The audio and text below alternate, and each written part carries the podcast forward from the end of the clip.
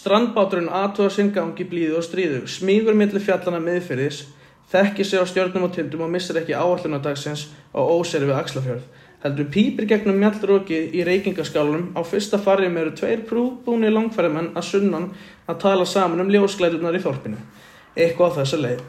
Þegar sí, silt er hrá, hráslagalegri skamdegisnót meðfram þessum ströndum, þá verður sem ekkert í heiminu getur verið öllu ómerkilegra og þýðingarlausar en svona lítið þorp undir svona háum fjöllum. Hvernig skildu menn lifa á svona stað og hvernig skildu menn deyja? Hvað skildu menn segja hver, hverjir við aðra þegar þeir vakna á mótana?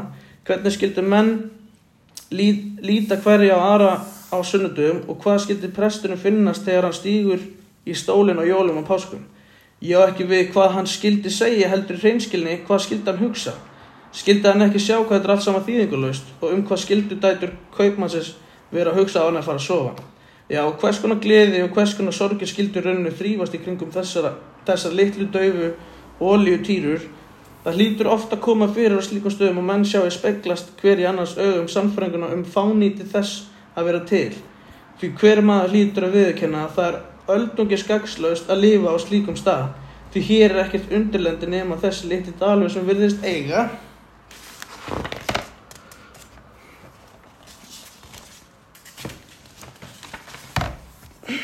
Bótt sinna að þakka frambur árinar.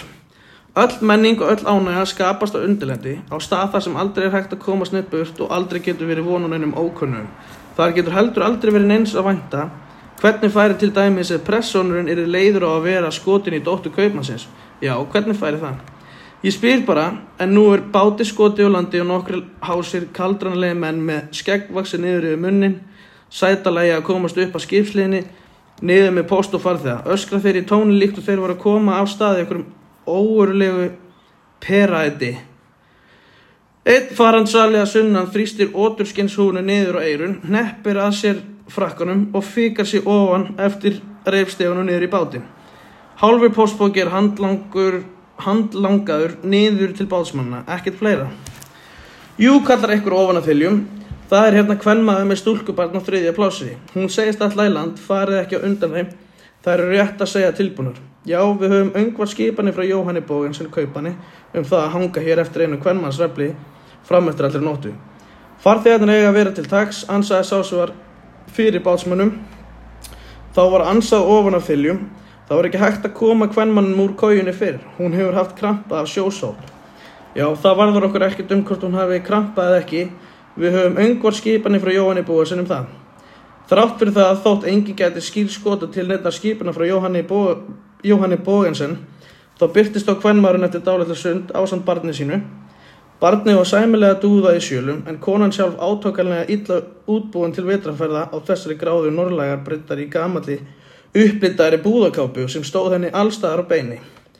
Óhreinum bómiðla sokkum og bílu um stífili skóm. Reymiðum upp að miðan legg en önnu reymið var slitins og stífili flakka frá leggnum.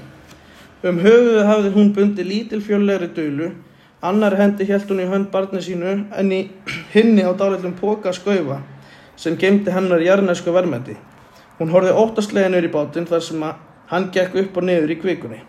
Niður með þig, konar, sögðu mennir. Guð hjálp okkur salka mín ef við eigum að fara þarna niður. Já, því er ekkert að hanga þarna eins og hákarspita í fólksalegu, sögðu mennir.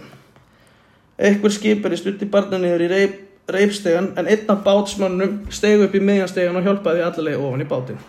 Mamma, ég er komin, sagði barni, það var voða gaman. Síðan handluðu þau hvern mann niður í bátinn og sama hátt. Hún var þung við komið breiðum, breiðum sem miðja lúraleg til fótana og lend mikil vel.